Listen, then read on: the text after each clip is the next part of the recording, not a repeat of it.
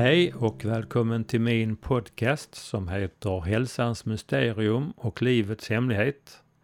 Jag heter Lars Nilsson och nu är det dags för avsnitt 21. Och det finns lite kompletterande bilder och texter på min hemsida som är amixe.se. Så gå gärna in där. Ja, nu är det dags för att komma in på ett nytt och viktigt område. Nämligen hur kan man själv hantera och jobba med till exempel fobier. Och det gäller både insekter, flygning, tand, läkarbesök, eh, höjder, ormar och spindlar respektive sådant som vi har i bagaget som vi inte kunnat hantera. Det kan vara att någonting vi har varit med om för länge sedan eller nyligen. Men av någon anledning kunde vi inte eh, hantera situationen så att det har blivit ett slags smärtsamt minne. Vad kan man själv göra för att lösa upp det? Så jag tänkte dela med mig av mina egna reflektioner, erfarenheter och tankar om detta. Och just ordspråket tycker jag är spännande. Om vi börjar med Du kan inte hindra sorgens fåglar från att flyga över ditt huvud. Ja, vad är det man menar egentligen? Hur tänker du när du hör detta uttrycket? Det är kanske självklart för de flesta, men jag vill ändå gå igenom det lite noggrannare. Eh, för mig är fåglarna som flyger över huvudet, det är livet egentligen kan man säga. Allt som kan hända. Fåglarna kan alltså symbolisera allt som händer från till exempel vädret, att någon säger eller gör någonting till dig eller en annan situation på arbetsplatsen eller i samhället som händer. En punktering och så vidare. Så vad det egentligen innebär är att vi kan inte eh, hindra att det händer olika situationer i våra liv som till exempel åldrande, sjukdomar, olyckor,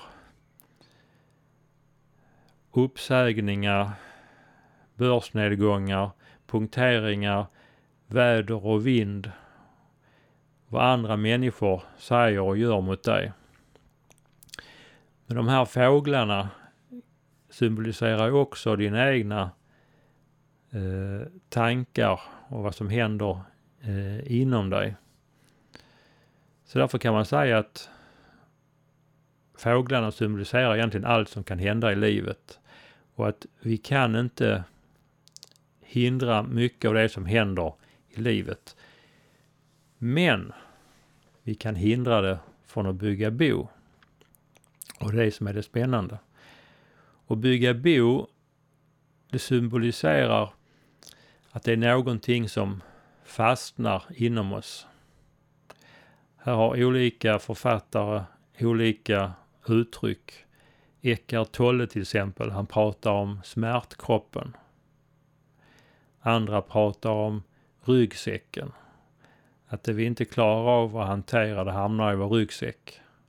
Och sen tyngs ju den på. Och till slut så kan ju ryggsäcken bli en stor börda för oss. Så frågan är hur lättar man på ryggsäcken? Hur hanterar man smärtkroppen? Och eftersom tankar, känslor och kropp och fysiologi hänger ihop, som jag också pratat om tidigare, så är det inte så konstigt att saker som tynger oss i ryggsäcken och smärtkroppen påverkar fysiologin i form av spänningar och värk och något som man ibland kallar för muskelminne. Så vad jag så småningom nu vill komma fram till det är hur hantera smärtkroppen eller ryggsäcken.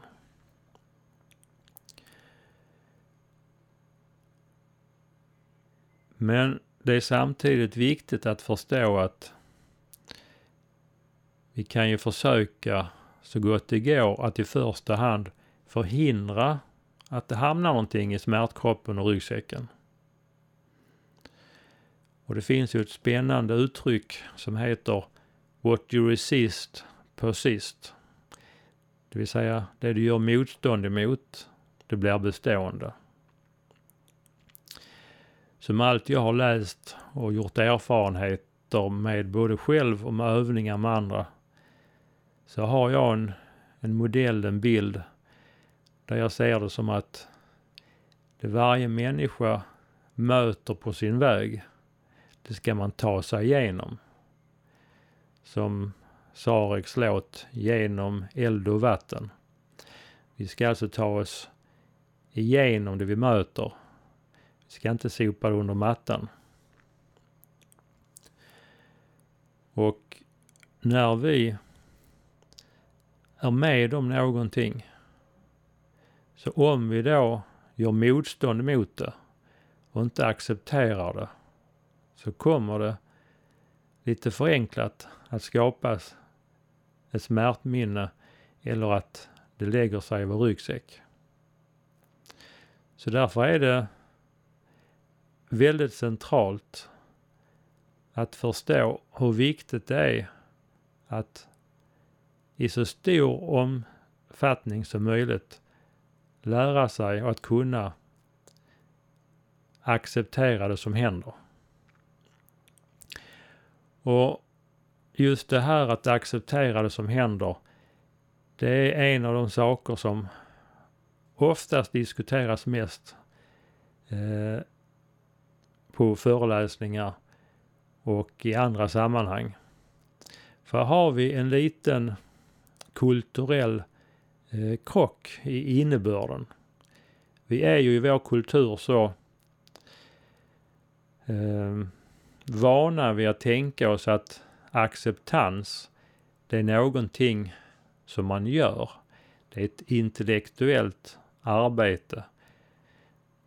Och om man tänker så, så förstår ju jag också att då kan man ju inte acceptera vad för någonting som helst.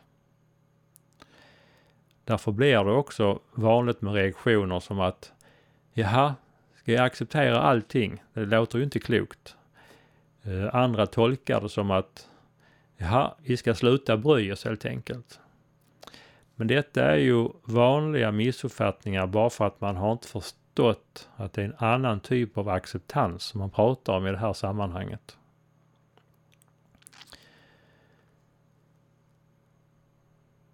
Och då kommer vi in på den här kanske lite mer andliga dimensionen och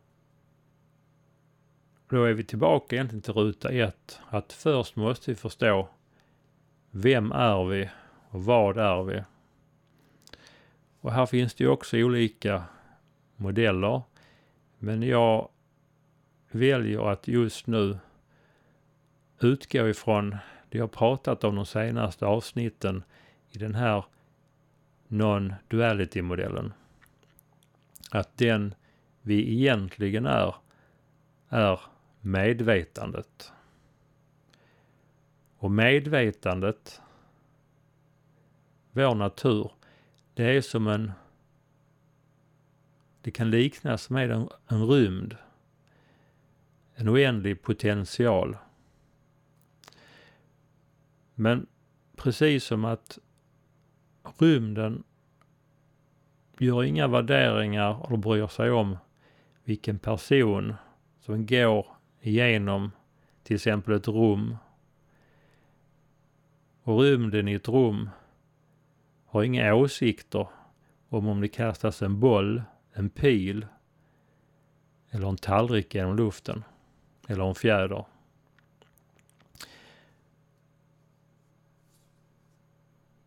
Vår natur är att vara närvarande, observerande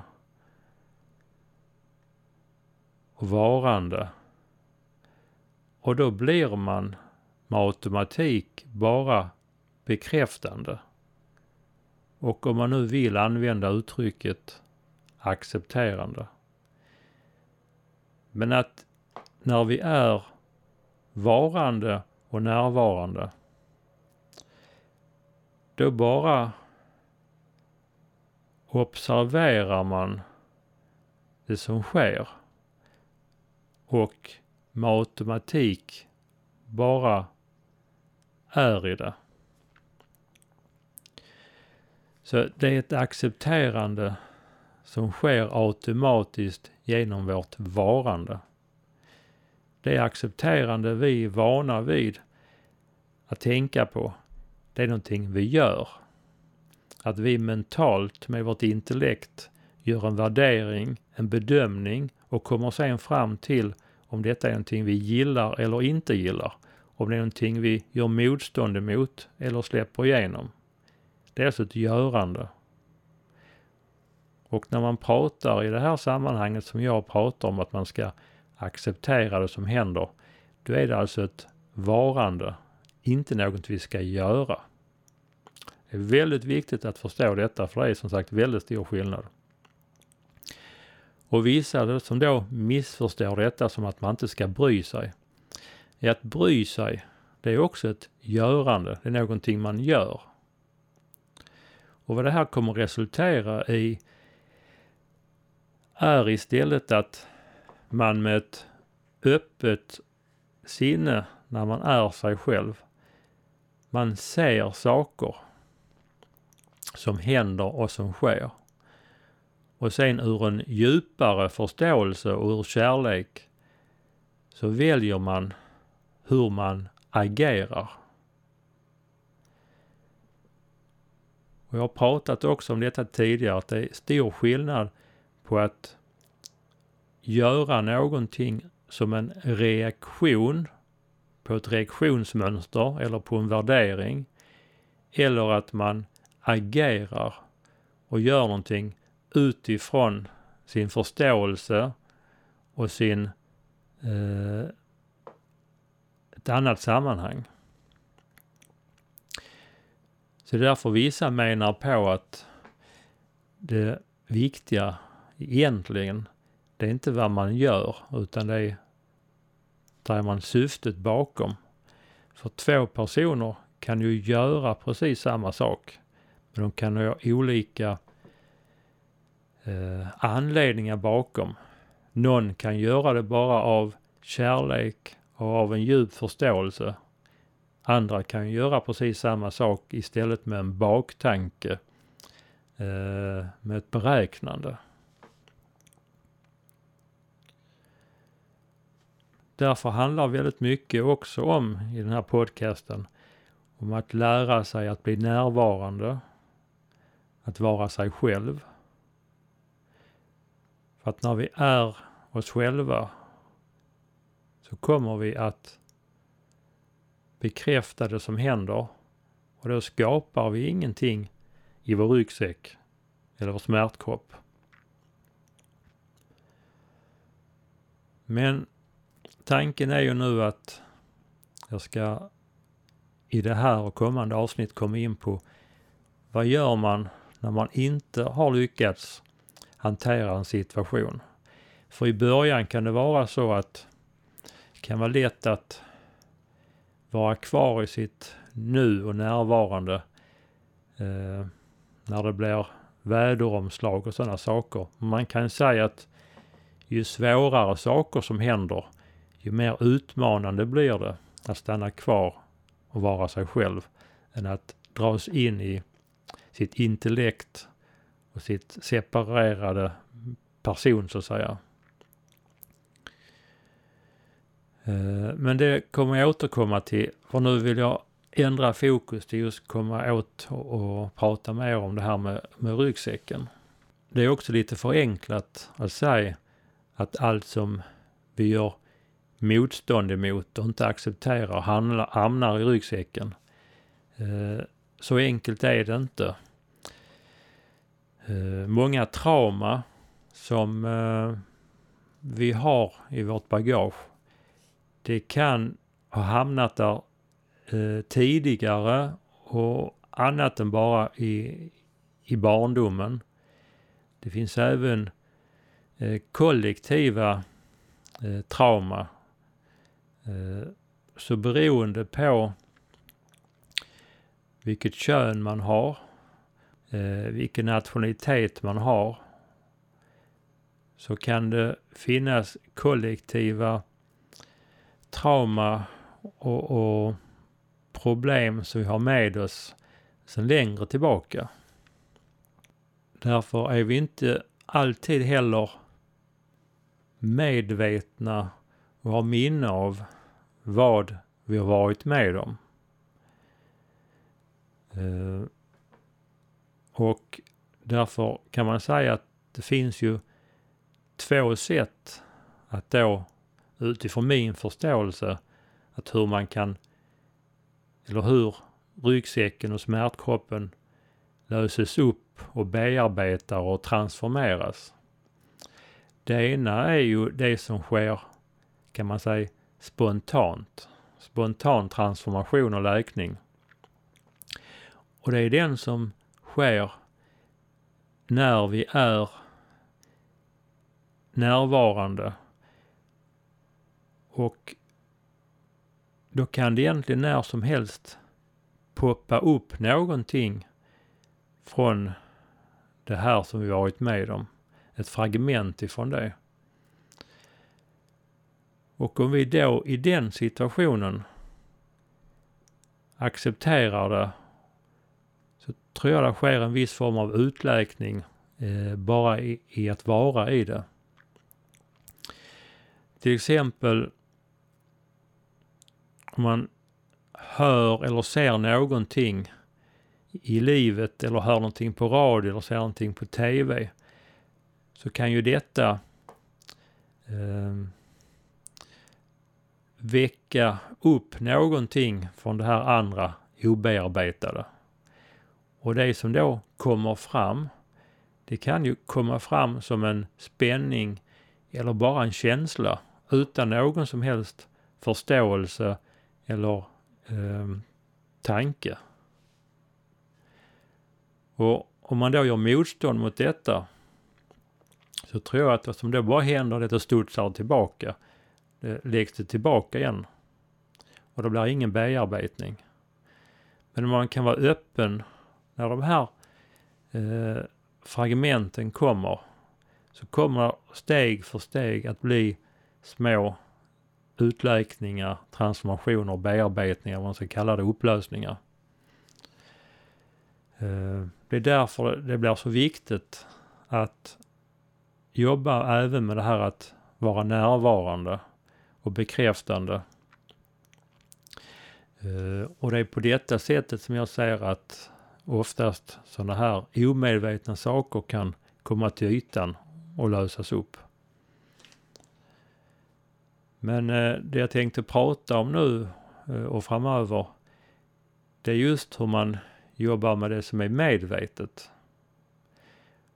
Och är man medveten om att man har varit med om någonting, om man är medveten om att man har en fobi för någonting, då kan man jobba med de specifika eh, situationerna eller problemen. Och det är det jag vill komma in på. För det finns ju ett uttryck som man tog till mycket förr i tiden men tycker man hör det inte mycket nu för tiden. Men det här att tiden läker alla sår. Och eh, det var ju ett sätt att trösta bara för att gå vidare. Men tiden läker verkligen inte alla sår. om inte de ges möjlighet såklart.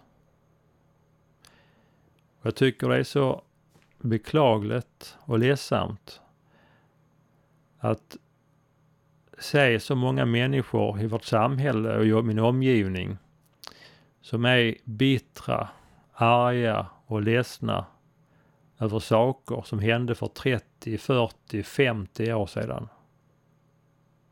Därför blir det väldigt mycket ältande. Och när jag försöker förstå detta så måste jag tolka det som att många människor kan inte hantera det som har hänt, det som finns i smärtkroppen och ryggsäcken och i det här boet. Så att man gör så gott man kan. Men det tycks som att de flesta människor tycks tro man ska göra, det är bara att prata om det. Så det pratas och pratas om det. Och att man vill någon annan ska lyssna. Och det är klart, det gör man ju i början. Men när det har gått 10, 20, 30 år, det är samma saker som det pratas om, om och om igen. Det är verkligen som en trasig skiva eh, som har hakat upp sig. Då kommer ju naturligtvis omgivningen att tröttna och personen själv blir frustrerad. Att inte de förstår, att de inte vill lyssna. Så att därför har jag själv sett och upplever att att prata, det är någonting som bara hjälper för stunden. När det här kommer upp till ytan, någonting som påminner oss om det, så är det någonting som vi missar i att hur man ska kunna lösa upp det. Utan vad man gör, det är att man älter det för sig själv eller pratar med någon annan om det. Och när man har gjort det en stund så blir man antagligen utmattad eller känns bättre för stunden. Och så nöjer man sig med det. Men alla vet ju också som har upplevt detta att det kommer tillbaka om och om igen. Så uppenbarligen sker det ingen utläkning och bearbetning. Så vad är det då som egentligen som behövs för att det ska lösas upp? Oavsett om det är en fobi eller trauma eller en jobbig situation.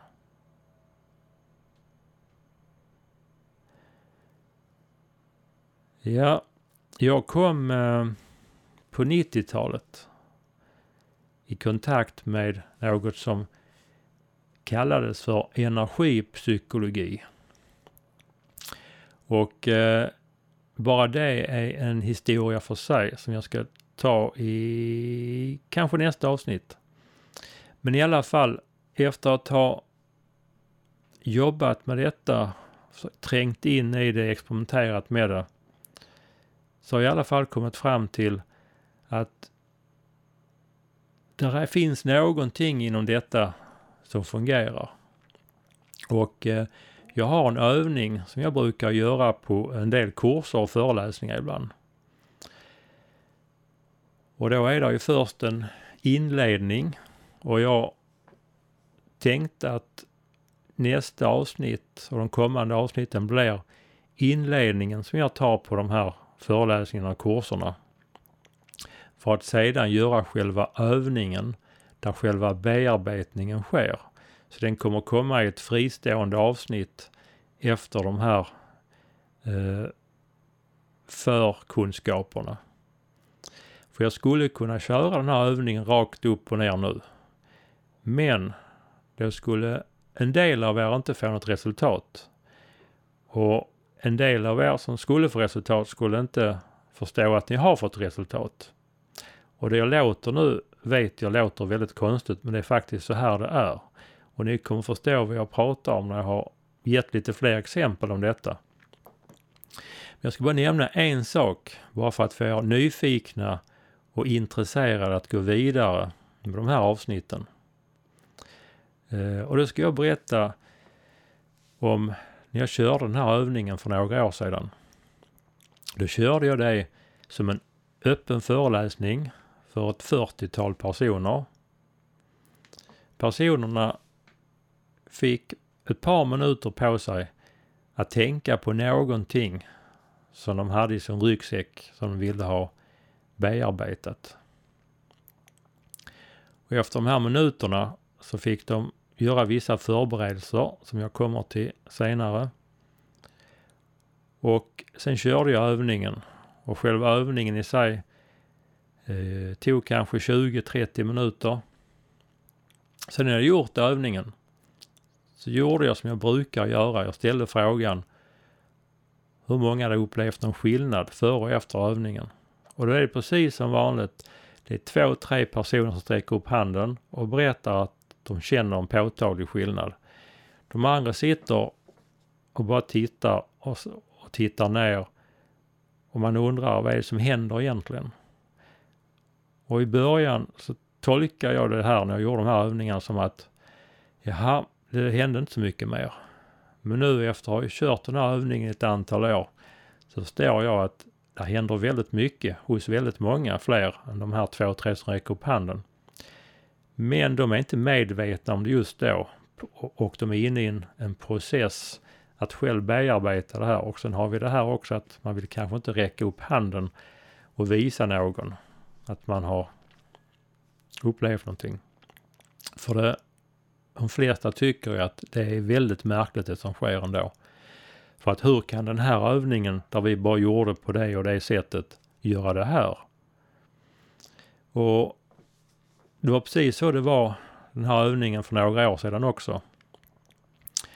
Eh, tiden gick ungefär ett halvt år efter att jag gjort den här övningen. Springer jag på en deltagare i ett helt annat sammanhang.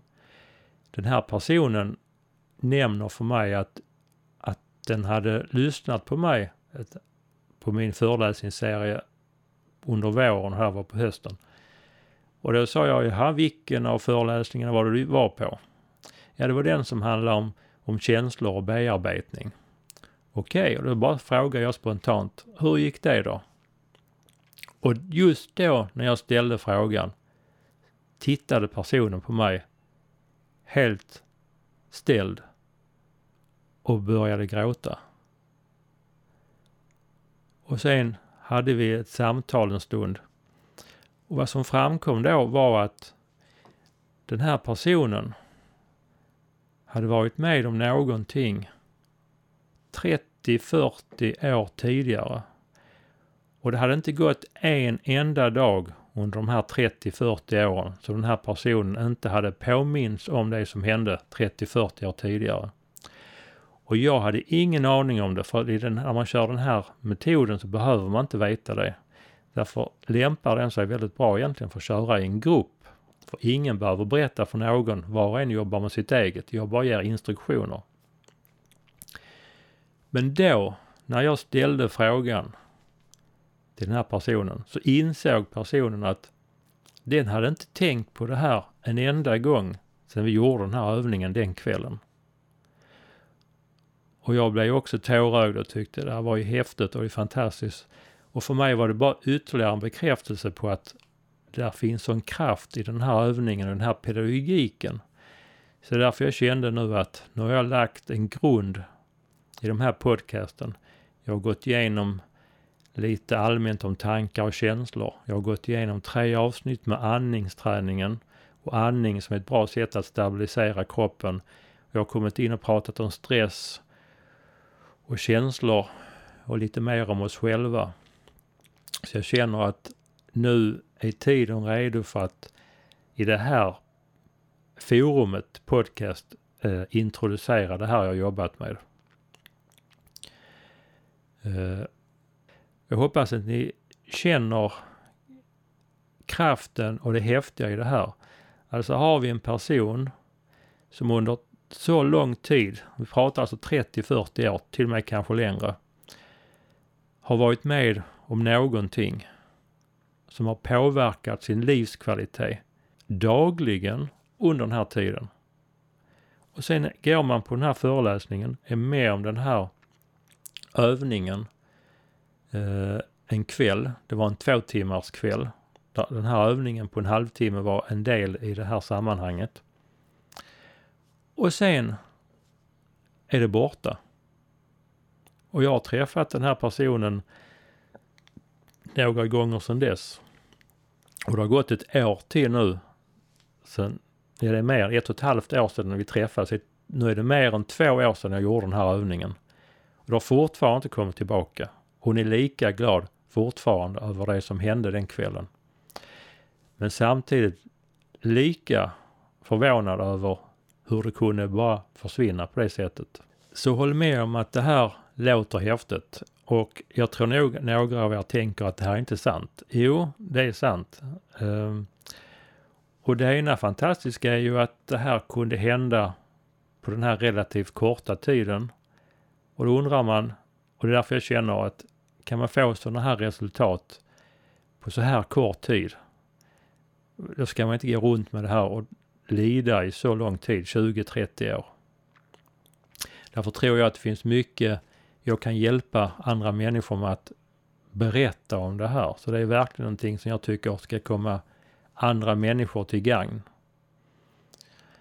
Och eh, det är också spännande att inte bara att det hjälpte, utan just det här sättet, och det är också inte ovanligt, att personen i fråga, den gick ju ifrån den här kvällen och trodde inte det hade hänt någonting. Och bara liksom fortsätter som vanligt i, i sex månader. Och det är först när jag påminner om det som inser att det var borta. Och hade jag inte påmint så hade jag i och för sig inte gjort någonting för att personen i fråga mådde ju bättre och det är det viktigaste. Men visst är det ändå intressant att det kunde passera förbi på det här sättet. Och det är just det här det oftast fungerar, för det här är inte första gången detta händer. Eh, varför inte det här avsnittet ska bli för långt så, så eh, fortsätter det i nästa avsnitt. Men jag tänkte jag ska berätta en kort grej till. En annan liknande grej som hände.